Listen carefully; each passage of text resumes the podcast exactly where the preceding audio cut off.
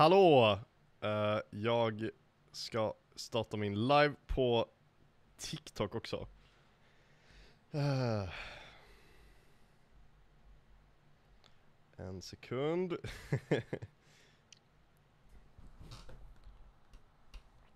Sådär någonting. Okej! Ja. Jag tror jag är live på något ställe nu i alla fall. Eh, vi får se lite, jag eh, ska se om TikTok också funkar, det borde det göra. Ehm, så det blir svinbra. Uh, ska stänga av det här också bara. Hallå, okej, okay. då är vi väl eh, egentligen live och klockan har slagit sju. Härligt, som ni kanske ser då så är inte Linus med idag, eh, han hade förhinder. Så det får bli bara mig här. Jag hoppas att eh, ingen blir jätteledsen, men eh, ja. Men jag har i alla fall en eh, agenda idag, så jag har några punkter som jag tänkte prata om. Och, eh, så det kommer alltså bli en eh, lång monolog eh, där jag sitter och eh, håller en diskussion med mig själv då alltså. Men det blir intressant, det blir väldigt intressant. Så vi får se. Men ja, jag har, så, jag har i alla fall då några punkter som jag tänkte gå igenom. Och den första grejen då är hur håller man uppe motivationen när man programmerar? För när man gör programmering, alltså, eller gör, alltså programmerar, framförallt då tänker jag ju, om man gör då spel, så är det väldigt svårt att hålla motivationen uppe, och eh, det är väldigt lätt att eh, komma av sig helt enkelt och eh, ge upp. Eh, det, det, har jag gjort extremt många gånger eh, sen jag började eh, utveckla spel. Alltså det blir så här, man, man, man sätter igång med ett projekt och eh, sen så jobbar man på det ett tag och sen inser man okej okay, det här var jättesvårt och det här kommer ta jättelång tid. Och då helt enkelt börjar man på något nytt för man orkar inte fortsätta.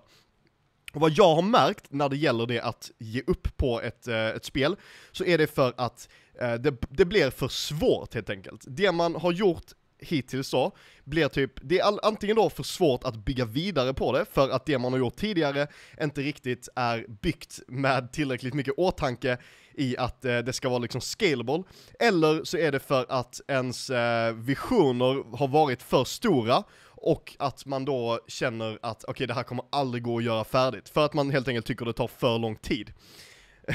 och båda av de grejerna är ju saker som man egentligen kan fixa. Antingen så kan man ju då eller man borde göra båda. Man borde först och främst se till så att det man bygger, alltså grunden till allting, är genomtänkt och man tänker ett steg längre. Det är väldigt viktigt att göra det när man eh, programmerar, att tänka ett steg längre. Så att man hela tiden eh, känner att eh, nästa sak jag kommer bygga på det här kommer att gå enkelt att bygga på grund av det man har gjort innan då. Någon som frågar, känner du igen mig? New Game Dev? Uh, det gör jag, ja jag känner igen ditt namn. Ta upp händerna i luften och säg YouTube, varför ska jag göra det? Det låter som en jättekonstig grej att göra. Vänta, jag kom på också, jag har inte skrivit ut att jag gick live, jag ska göra det lite snabbt bara. Uh, vänta lite. En sekund, så det blir lite så, jag ska bara skriva det här någonstans. Uh, Okej, okay. vänta. Jag är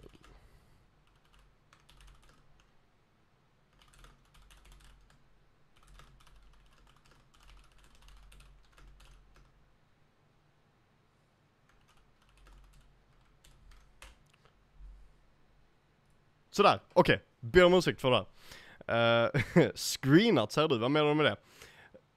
Uh, vad menar du med det? Men okej, okay, jag pratar om uh, motivation där alltså. Ja, men det är alltså jättesvårt att uh, tappa motivation. Sen också är det jätteviktigt då att ha en realistisk bild på det man ska göra.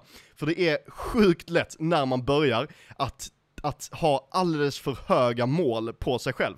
Till exempel då kan det vara att man eh, tänker att okej, okay, jag ska göra ett spel nu och det ska bli som GTA. Det ska vara lika stort som GTA, kanske större och eh, sådana grejer. Att man liksom tänker att man ska göra någonting som är väldigt stort medan man då själv inte inser hur lång tid det tar och eh, sådana grejer. Men det är ju också en sån grej som man lär sig lite med tiden. Man kommer in lite i det där och inser vad man faktiskt är kapabel till att göra. Det är ju lite eh, Dunning-Kruger effekt där, att när man precis börjar så tänker man att eh, jag kan allting. Och sen ju mer man eh, lär sig om det så inser man, okej okay, jag kanske inte kan så mycket, och man inser liksom helheten då lite mer och inser att det finns väldigt många saker till, till uh, grejen. Så det, det kan bli, så, så är det ofta. Men då gäller det alltså bara att sätta små mål och små, uh, små delmål på sitt projekt. Så att man inte, eller så att man börjar enkelt.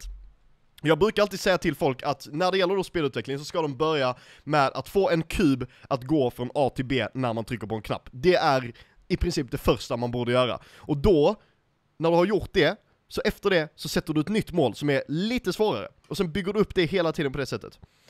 Jag är i Italien, så en new game day. Ja men nice! Jag önskar att jag också var i Italien, det låter väldigt gött. Eh, ja, uh, ah, okej. Okay. Så, då ska vi se. Vad... Det var första punkten jag hade på min uh, agenda då. Det blir lite skillnad uh, nu då, i och med att jag, de här livesen på tisdagar och torsdagar brukar jag ju streama tillsammans med Linus Rudbeck, men han kunde inte idag, så jag får köra själv. Och Tanken är ju då att vi har lite diskussion om programmering, så att, eh, men eftersom att det bara är jag så får jag helt enkelt diskutera med mig själv. Men jag tror det går bra, jag tror det kommer lösa sig. Okej. Okay. Så nästa punkt då, måste man vara ett geni för att kunna programmera? Det är väldigt intressant, för att i alla fall när jag började programmera så var min bild om programmering att man var tvungen att vara jättesmart och man var tvungen att ha 200 IQ och vara Einstein i princip. Men sen insåg jag lite att det är inte riktigt så, och eh, det, det, är lätt att tro det, men det är inte alls sant. Och det är ju för att när man inte vet vad programmering är och hur det funkar, så är det ju när man då kollar på andra som gör det, eller kollar på kod generellt, så ser det ju kan det se jättekrångligt ut. Eftersom att det ofta är liksom så här, det är liksom svart bakgrund och sen grön text kanske, och eh, ja, och det kan ju se väldigt svårt ut. Men, precis som allt annat, om man börjar kolla på det lite och eh, lär sig lite om det, så är det inte alls lika svårt längre. Och eh, alla kan lära sig det. Det är jag ganska övertygad om att, eh, att det är så alltså. Näst, I princip alla kan lära sig att programmera. Så att även du, även om du inte är liksom ett geni på matte eller vad som helst, så finns det definitivt chans. Och det skadar verkligen inte att testa. Det, är liksom, det finns bara ett sätt att ta reda på det. Även fast du är inte så bra i matte eller andra grejer, så kanske du är jättebra på programmering. Sen kan det vara så att du är jättebra på matte, men programmering kanske inte är din grej. Utan det, alltså det, det krävs ju att testa det. Så att, äh, ja. Men om, om du inte vet så ska du testa alltså. Det... Okej, okay, ja det var väl egentligen det. Så svaret på det är ju att man behöver inte vara ett geni för att programmera. Jag är inte ett geni, och eh, väldigt många andra som kan programmera är inte heller genier. Så ja. Sen är det klart att det, det, det hjälper att vara, att vara smart. Det, det ska jag inte sticka under stolen med. Utan eh, om du är liksom väldigt duktig på matte så är ju ändå är det ju ändå troligt att du har lätt för programmering. Sen betyder inte det att du kommer vara bra på det automatiskt, utan allting kräver att du tränar på det och lär dig det. Så att, eh, ja. Kan du göra en tutorial på LERP i Unity? Oh, bra, bra grej! I min kurs, jag håller på att göra en kurs inom spelutveckling, och eh, där du kan då lära dig att göra spel helt från grunden. Och i den kursen så går jag igenom de flesta sådana koncepten, bland annat LURP. Jag har, redan, jag har redan spelat in videon där jag går igenom vad LURP är. Jag kan ta det lite kort här, och det kanske är intressant, men LURP är då en förkortning och står för Linear Interpolation. Och det betyder egentligen då att om man tänker att man tar två punkter, vi har en punkt här och en punkt här. Om vi då lurpar de här punkterna med en, ett annat tal, så kan vi då, om vi då säger 0,5, så kommer vi få punkten mitt emellan dem. Alltså, på, man, man drar alltså en linje mellan de två punkterna, och sen väljer man då någonstans på den här linjen. Så om man skriver 0,5 i LERP, så kommer man ta punkten mitt emellan. Medan om man då skriver 0, så kommer man ta enbart denna, om man skriver 1, så kommer man enbart ta denna. Det är så LERP-funktioner funkar i alla fall. Och det kan man då använda för att eh, Många gånger använder man det för att jämna ut saker och få saker eller att få ett värde att gå mot ett annat värde, fast lite jämnt. Så om man då, för då kommer det alltså vara så att man tar lite på den här linjen hela tiden, alltså varje iteration så tar man lite mer. Och till slut kommer den då närma sig den eh, andra punkten eller det andra värdet. Okej, okay, det var det. Så nästa fråga, vad gör vissa programmeringsspråk svårare än andra programmeringsspråk? För det är en sån grej man hör ju det väldigt mycket att, okej okay, det här språket är jättesvårt, ja det här språket är jätteenkelt. Men vad är det egentligen som är skillnaden på dem och varför är någonting svårare än något annat? Så det finns några olika förklaringar till det. Den första förklaringen kan ju vara, alltså det, det mest självklara, att orden är konstiga. Eller att det då är en massa symboler. För många gånger är det så, speciellt då om ni vet vad, om det är någon som då vet vad typ C är, eller C++, så är det då ett, eh, ett ganska low level språk, alltså det är ganska avancerat och man måste göra väldigt mycket från grunden, alltså man måste göra, det är väldigt mycket manuella saker som man måste göra, som annars sker automatiskt i andra programmeringsspråk. Men då i C, till exempel då, så är det väldigt många konstiga krumelurer och eh, sådana grejer. Bland annat måste man ju då använda måsvingar för att eh, öppna och stänga grejer. Så det kan vara lite förvirrande och kanske då lägga till på svårighetsgraden för nybörjare, att det känns lite krångligt med, ah, vad gör de här tecknen och vad gör det här? till skillnad från då typ i Python, när man inte behöver skriva målsvingar, eh, inte en semikolon och eh, och många, gång, många gånger är det bara att man kan skriva and och or och sånt, till skillnad från i C där man måste skriva och och eller streck streck för att göra och eller eller. så eh, det är en grej som kan göra det svårare.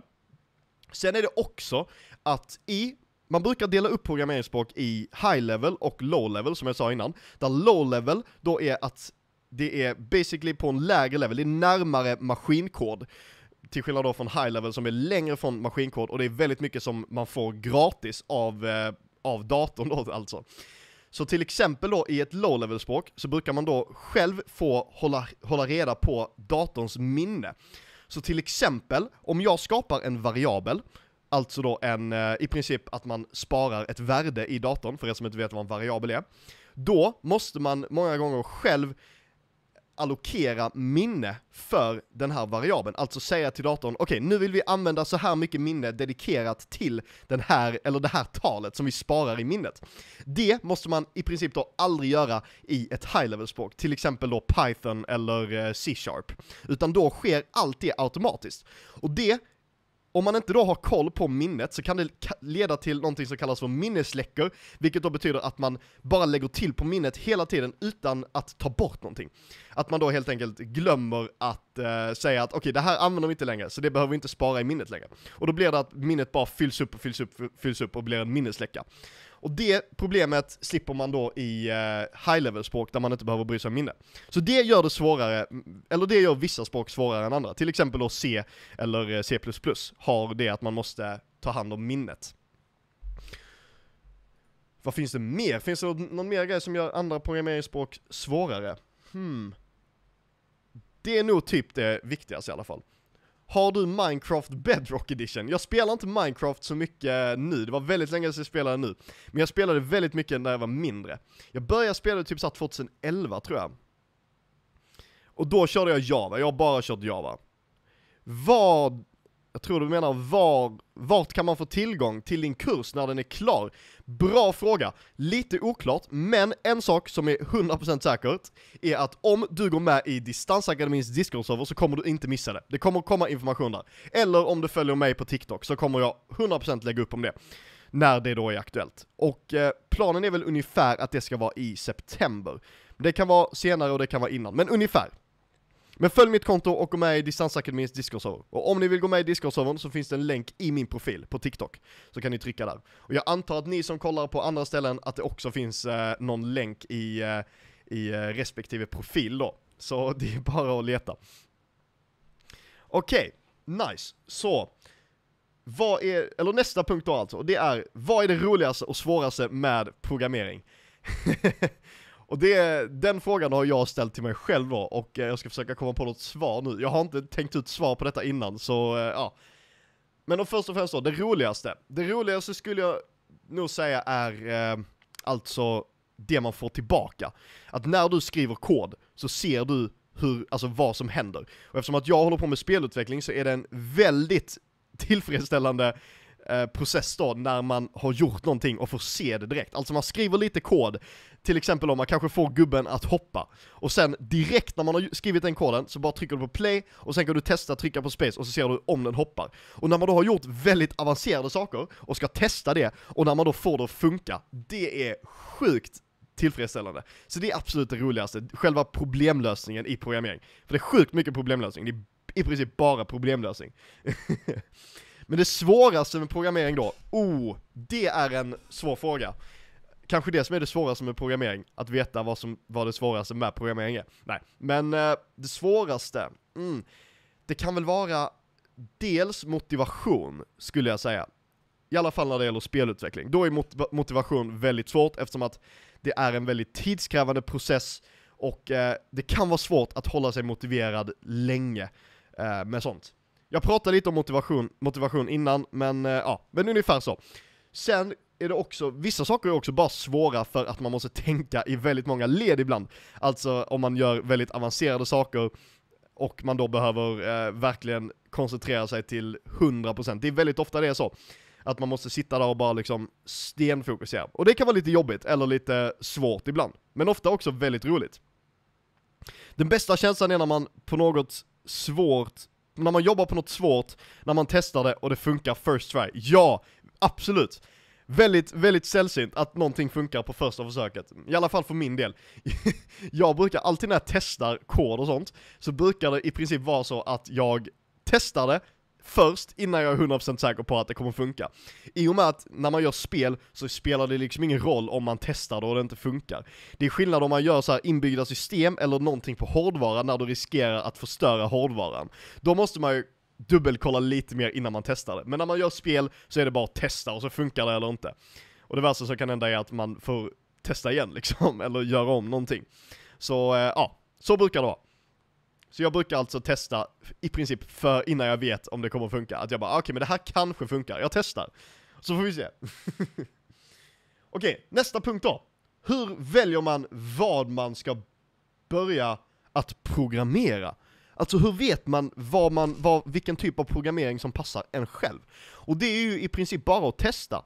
Man får ju börja med någonting man tycker är roligt. Jag skulle väl ändå säga att om man har ett väldigt stort intresse för dataspel, så borde man testa att programmera dataspel. Om man har ett väldigt stort intresse för mobilappar eller något sånt, så borde man testa att göra mobilappar. För jag skulle ändå säga att det är väldigt mycket lättare att hålla på med någonting om man tycker det är roligt. jag tror, jag tror det är väldigt låg sannolikhet att jag skulle att jag skulle ha hållit på med programmering så länge som jag har gjort om jag inte hade tyckt det var så roligt som jag tycker det är. Alltså det är liksom, det är ändå det som driver mig ganska mycket, att jag tycker det är så sjukt roligt. Och det är därför man, man själv kan lägga så mycket tid på det och så mycket energi. Det hade, man, det hade jag inte kunnat göra om jag inte tyckte det var roligt. Så att jag tror inte att jag hade varit lika duktig på programmering om jag hade till exempel gjort, gjort hemsidor. För jag tycker inte det är lika roligt som jag tycker det är att göra spel. Så det är alltså, välj någonting som du tror är roligt, och sen Testa det, om du inte tycker det är roligt, så ta något annat.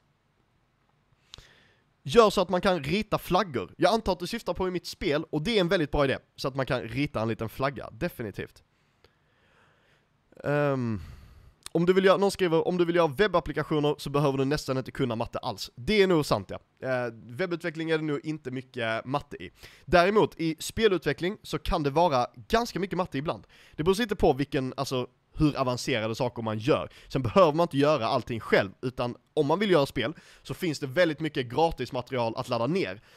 Till exempel från Unity Asset Store så finns det jättemycket kod och eh, modeller och sådana grejer om man inte vill göra det själv. Men det kan bli mycket matte. Framförallt av min erfarenhet så är det mest matte när man jobbar med eh, alltså 3D, procedural typ terräng eller eh, modeller. Alltså när man då skapar typ terräng i kod, eller skapar något annat i kod, typ träd eller sånt, genererar det liksom medans programmet körs. Då blir det ganska mycket matte och eh, sånt. Framförallt linjär algebra, eftersom att det är ju 3D och 3D har ju med linjär algebra att göra. Men det är, inte, alltså det är inte jätteavancerad matte heller. Och det är liksom verkligen inte så att man inte hade kunnat lära sig den matten för det här ändamålet. Alltså, du kan också bara lära dig det efter att du börjar med spelutveckling. Så att eh, man behöver inte ha gått någon speciell matte egentligen. Sen tror jag det hjälper många gånger att ha, eh, ha det, att ha gjort det, eftersom att då har du ändå tränat den, alltså det är lite samma sida i hjärnan, vill jag tro, eh, som man gör matte med och som man programmerar med. Men det, det baserar jag på absolut ingen, eh, inget vetenskapligt överhuvudtaget, så att eh, det är bara min gissning. Okej. Okay. då har vi svarat på det. Så nästa, nästa, nästa ämne som jag ska prata om är att kommentera kod. Eller då att dokumentera kod. Så det är en ganska intressant grej tycker jag, det där med att eh, kommentera kod. För jag har sett väldigt många som har eh, kommenterat mina videos och eh, sådana grejer och bara ah, varför, varför kommenterar du inte din kod? Varför, eh, du skriver inga kommentarer? Och det är helt rätt egentligen. Mesta delen av all kod jag gör så kommenterar inte jag det. Och det är för att jag är övertygad om att om man skriver bra kod, där man har bra variabelnamn, bra metodnamn och bra struktur, och det är tydligt vad man gör, så tror jag inte att det finns någon anledning att kommentera. Eftersom att då är kommentarerna bara överflödiga. Så man ska snarare alltså sträva efter att att skriva kod som är välstrukturerad och bra namngivning, då kommer man inte behöva kommentarer. Och det är jag övertygad om att det är så. jag tror, alltså, nästan all min kod hade inte blivit, eller verkligen inte all, men eh, mycket av det man skriver ska liksom inte behöva kommentarer. Och Fredrik säger, du har delvis rätt, problemlösande och logik ligger på ena på en halva medan kreativitet på andra. Ah, Okej, okay. ja men det var väl lite det jag var ute efter kanske. om du kommenterar din kod så är du mycket snällare mot din framtida dig. Nej, det håller jag inte med om. Det, jag tycker inte det. Eller alltså, jag eh, tycker att man är mycket snällare mot sig själv om man skriver bra kod som är eh, bra, alltså bra variabelnamn och sånt. Jag tror att det är en björntjänst att eh, kommentera för mycket, för då, då på något sätt låter man sig själv inte skriva strukturerad kod och eh, man, man behöver inte vara så noga med namnen. Och det, men det är också en sån grej som man får avgöra, det avgör man liksom, från, det är från situation till situation, man märker. Eh, om en metod pratar för sig själv så behöver man inte kommentera det. Men om det är så att det är en väldigt avancerad algoritm som man använder som inte alls är tydlig, till exempel då om det bara är eh, typ så här, att man plussar på grejer och tar bort och bla bla bla och att det inte riktigt finns någon, att det bara är en algoritm man använder. Då kan det ju vara bra att eh, skriva ut då i en kommentar att vad det är man gör. Eller eventuellt då typ saker som är viktiga att komma ihåg till senare. Det brukar jag faktiskt kommentera det finns ju också så här to-do-kommentarer som jag brukar göra om man typ skriver någonting och sen tänker man ah, det där måste jag fixa senare. Då är det bra att lägga en sån kommentar så att man inte glömmer bort det. Eller då i särfall och sånt. Men annars, inga kommentarer. Och eh, det, det står jag för. det tycker jag eh, absolut. Okej, okay. så nästa kommentar. Eller inte kommentar, nästa eh, punkt. Så nästa punkt är version control. Och för er som inte vet vad version control är, så är det alltså mjukvara som man använder för att kunna dels synka kod mellan datorer och hålla reda på, eh, alltså, eh, vad ska man säga? Gud vad svårt att förklara. Nej men så att man kan ha olika typ versioner av sitt program, som man sen kan gå tillbaka i om man har gjort något fel, eller eh, sådana grejer. Man kan också många gånger då jobba på samma projekt parallellt och göra olika ändringar och sen lägga ihop dem senare. Och det är väldigt smidigt. I princip alltid är det extremt smidigt och nödvändigt. Kanske inte när man börjar, men annars så är det jättebra och jag använder ju det hela tiden. Eh, just för att, eh, även fast jag inte jobbar med andra så är det jättebra att kunna gå tillbaka till eh, i, alltså i koden om man har gjort något fel eller jobbar på någonting så behöver man inte vara rädd för att ta bort allting. För att man vet att, ah, okej, okay, det finns sparat. Så eh, det är ganska skönt. Ja, det är väl inte jättemycket på det mer, men eh, ja. Nästa då, komma på idéer. Det är ganska intressant, det kan vara väldigt svårt att komma på bra idéer till det man ska göra. När jag gör spel så kan jag väldigt många gånger ha ganska svårt att eh, komma, på, eh, komma på bra idéer. Eftersom att eh, dels är det så sjukt svårt att komma på något nyskapande. Alltså allt, det känns i alla fall som att allting redan är gjort. Och eh, då kan det vara svårt att, eh, att komma på grejer. Eller då bara andra saker som man ska lägga till i ett annat spel som man håller på med. Då kan det också vara svårt att komma på liksom, idéer till det. Vad jag brukar göra är att hela tiden ta hjälp av antingen kompisar eller då följare. Det är väldigt hjälpsamt. Eftersom att då får man andra ögon på det. Jag har en tendens att, eller jag tror de flesta har en tendens att liksom fastna i en bubbla när man håller på med någonting för mycket. Och då är det alltid jättebra att låta en kompis kolla på det. Bara, alltså det kan vara enkelt. Ah, vad tycker du liksom? Ska jag lägga till det här eller tänker jag helt fel? Att få lite av en uh, reality check liksom. det är väldigt bra. Så det, det, det, det borde man göra. Ha, eller eh, ta hjälp av kompisar eller andra människor. Okej, okay. att använda andras kod är nästa, vad säger man, nästa ämne, nästa ämne, ja. Så det handlar ju då alltså om att eh, kopi dels då kopiera det andra har gjort, för det är ju väldigt många gånger som man egentligen gör det, det gör jag också. Till exempel, om man då fastnar på en grej, eller inte vet hur man använder någonting, så googlar man på det. Hur använder man det här med det här? Och så hittar man någon som har skrivit en rad kod, Eh, och där de då gör det. Kopierar man det rakt av och eh, lägger in det i sitt program. Och det, det gör ju alla. Jag tror inte det finns någon som aldrig kopiera någonting. Däremot så skulle, måste jag ändå säga att det är viktigt att veta ändå vad det gör. Alltså, även fast du kopierar någonting, kolla igenom det du kopierar och försök att faktiskt förstå varför personen skrev så här. För annars är det lite dumt egentligen, för att då lär man sig inget av det och eh, man har liksom ett tillfälle där att lära sig någonting, då borde man ta den. Kan du inte ta upp tutorial loop när man fastnar i tutorials och inte lär sig någonting? Oh, ja men det är väl ändå intressant ja. Alltså, jag vet inte exakt vad du syftar på, alltså i detalj, men med att fastna i tutorials, det kan jag nog tänka mig beror mycket på det av alltså att man bara kopierar andras kod. Man kollar på en tutorial som gör någonting, och sen samtidigt då så skriver man av ord för ord av eh, vad personen eh, i videon skriver. Och det är nog, eh, det är nog den största björntjänsten man kan göra sig själv. För att då så lär man sig ingenting i princip. Utan om du vill bli duktig på att programmera så måste du själv kunna göra det. Du måste liksom förstå varför skriver jag det här nu och varför skriver jag inte det här nu? Och om du då bara skriver rakt av så lär du dig inte det och du kommer inte komma någonstans. Så där gäller det att när du kollar på en tutorial, pausa och tänk, och fråga dig själv, varför skrev han så här? Och eventuellt då, om det är någonting som personen inte förklarar, så googla på det och försök ta reda på exakt varför den skrev så. För då blir det väldigt mycket lättare att lära sig i längden. Hallå Amir! Och någon frågar om jag känner personens pappa.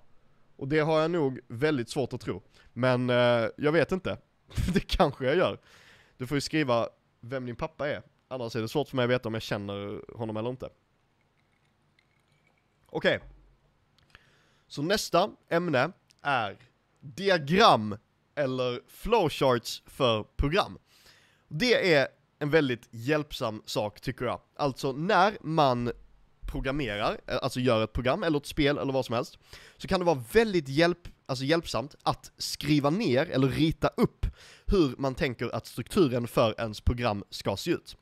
Och egentligen behöver det inte vara jätteavancerat. Det räcker många gånger att bara rita några fyrkanter och skriva kanske ungefär vad eh, olika moduler i ens kod ska göra och sen koppla ihop dem med lite pilar. Och det kan vara väldigt hjälpsamt att ha något sånt att utgå från när man gör lite mer avancerade program. För annars kan det många gånger bli så att man eh, lägger saker lite här och var och det tenderar då att bli spagettikod. Alltså att saker hänger ihop på eh, höger och vänster och eh, det finns ingen riktig struktur i var saker är gjorda och sånt. Och det är ganska tråkigt när man sen ska lägga till eller ändra på det, eftersom att man måste lägga sjukt mycket tid på att hitta, eller så återskapa eh, bilden för hur man, eh, alltså hur allting hänger ihop. Och det blir mest en massa letande och eh, väldigt eh, kontraproduktivt. Så därför kan det vara bra att när man gör något som är ganska avancerat, i alla fall ha en struktur och eh, försöka tänka ut innan man gör det, var man ska göra vissa saker och var man ska göra andra saker. Okej, okay, så då har vi den sista punkten, och perfekt timeout för klockan är snart halv åtta. Så den sista punkten är då blockprogrammering eller vanlig programmering. Och det finns ju då alltså någonting som man brukar kalla för blockprogrammering, eller liknande ord, det finns många ord. Men det är ju då alltså att man ser visuellt ens kod, och eh, mer då alltså visualiserat. Till exempel kan det vara ett block som säger if, och sen drar man in då eh, ett villkor i den liksom, eh, helt visuellt. Och eh, så bygger man då ett program på det sättet istället. Och det kan vara ett jättebra sätt att lära sig att programmera, om man inte har gjort det innan alls. Till exempel så finns det ju, många av er vet säkert vad Scratch är, och det är ju ett exempel på en eh, en eh, blockprogrammering, att du drar ihop saker och eh, skapar program med hjälp av det. Och det kan vara jätte, eh, jättebra att lära sig det eftersom att då lär man sig de viktigaste koncepten i programmering och eh, man kan även skapa saker och eh, se att programmering kan vara roligt. Och sen kan man ju såklart lära sig vanlig programmering. Och det blir möjligtvis lite enklare då om man har hållit på med eh, blockprogrammering innan. Det blir ju enklare, definitivt. Så absolut.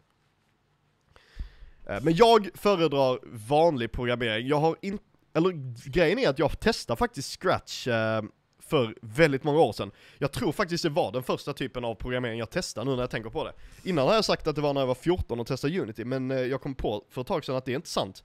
För jag testade faktiskt Scratch när jag var, jag tror jag gick i fyran eller något sånt, eh, eventuellt trean till och med. Så testade jag Scratch och gjorde ett eh, enkelt spel som var fruktansvärt dåligt. men, ja, så det var nog den första typen av programmering som jag testade. Absolut.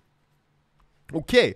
men nu är klockan halv åtta och eh, jag har väl egentligen gått igenom eh, allting som jag hade tänkt prata om. Så det är ju helt perfekt. Jag löste den här monologen med mig själv. Faktiskt. Imponerad av mig själv. Nej, men... men eh, riktigt gött. Jag vet inte riktigt hur det blir nu med näst, alltså, eh, nästa live. Eh, på torsdag är jag inte säker på om det blir live, men i alla fall nästa tisdag och nästa torsdag kommer det bli live som vanligt för då, alltså de här tisdag och torsdags livearna.